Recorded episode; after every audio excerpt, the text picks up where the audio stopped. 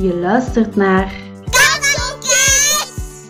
de wekelijkse podcast van Kattenbox. Voor iedereen die op ontdekking wil gaan door in het katholieke geloof en zo wil groeien in geloof en heiligheid.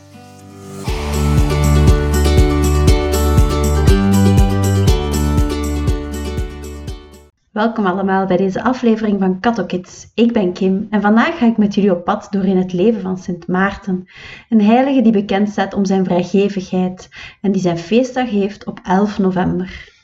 Maar we beginnen zoals altijd eerst met een gebedje. In deze maand van de arme zielen in het vagevuur bidden we het gebed van de heilige Geertruida de Grote. Je kan een download van dit gebed vinden op onze website om het nog beter te kunnen meebidden. In de naam van de Vader en de Zoon en de Heilige Geest. Amen. Eeuwige Vader, ik offer u het kostbaarste bloed van uw goddelijke Zoon Jezus, verenigd met alle opgedragen Eucharistievieringen in de wereld vandaag, voor al de heilige zielen in het vagevuur, voor alle zondaars, de zondaars in de universele kerk, de zondaars bij mij thuis en in mijn familie. Amen. Vandaag duiken we in het leven van Sint Maarten, hij staat ook gekend als Sint Martinus van Tours. Tours, dat is een stad in Frankrijk. Martinus is de Latijnse naam voor Maarten. Hij had een Latijnse naam omdat hij in het Romeinse Rijk werd geboren in de vierde eeuw na Christus. We kennen het verhaal van zijn leven omdat de monnik die Sulpicius Severus heette, zijn leven helemaal heeft neergeschreven. Laten we nu samen ontdekken waarom Sint Maarten zo bijzonder is en wat we van hem kunnen leren. Lang, lang geleden in een dorpje in Hongarije werd op een donkere winternacht een jongen geboren die Martinus heette. Hij groeide op in het Romeinse Rijk. Dit was een land waarin mensen vaak verdeeld waren en weinig om elkaar gaven. Martinus leerde dus niets over Jezus of over het geloof. Zijn vader was een Romeinse soldaat met een hoge rang, hij was heel belangrijk. Daardoor bracht Martinus zijn jeugd door in vele landen, zoals Italië. En hij volgde het voorbeeld van zijn vader en hij werd lid van de Romeinse cavalerie. Dat wil zeggen dat hij een soldaat was die te paard zijn werk deed. Tijdens zijn reizen als soldaat leerde hij het geloof kennen. Hij leerde veel over Jezus en hij bekeerde zich uiteindelijk tot het christendom hoewel zijn ouders dat maar niets vonden, omdat christenen in die tijd niet veel aanzien hadden in het Romeinse Rijk. Op een dag, terwijl Martinus op zijn paard door de Franse stad Amiens reed, zag hij een arme bedelaar die rilde van de kou. De bedelaar had nauwelijks kleren aan om zich warm te houden en hij smeekte om hulp. Martinus stopte zijn paard, haalde zijn zwaard tevoorschijn en sneed zijn eigen warme mantel in twee. Hij gaf de helft aan de bedelaar, zodat hij het niet meer kou zou hebben. Die nacht had hij een droom waarin hij Jezus zag met zijn halve mantel aan. Een bevestiging van de goede daad die hij had gedaan. Hij had de arme bedelaar geholpen, maar zo had hij ook Jezus geholpen. Toen Martinus zijn militaire dienst beëindigde, besloot hij om God te dienen en hij werd priester.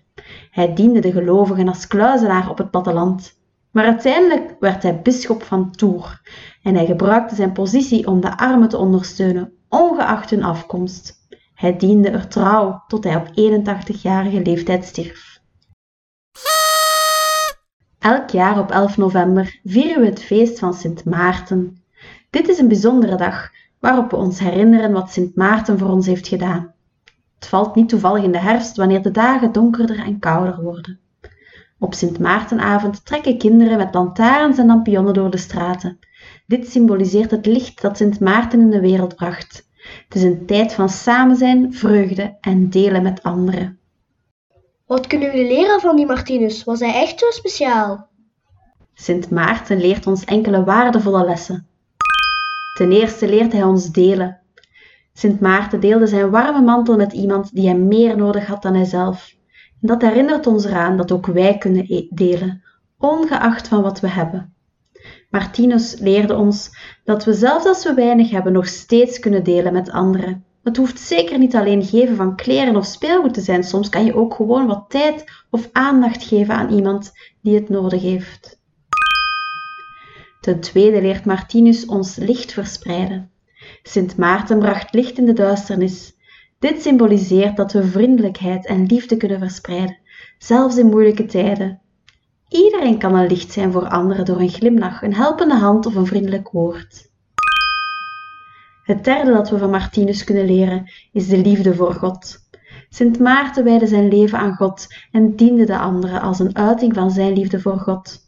Het herinnert ons eraan dat ons geloof ons kan inspireren om goed te doen en anderen te helpen. Ik hoor je denken, Maar hoe kunnen wij die Sint Maarten nu vieren? Ik kan toch niet een stuk van mijn jas aan iemand anders geven? Wel, dat is meteen mijn uitdaging voor deze week. Nee, je moet niet die jas of een ander kledingstuk in twee scheuren om te delen met iemand. Maar je kan wel op een andere manier delen met mensen rondom je. Doe eens iets vriendelijk voor iemand, thuis of op school. Geef een compliment, geef een glimlach. Help iemand met iets waar hij het moeilijk mee heeft. Doe dit deze week drie keer, zeer bewust.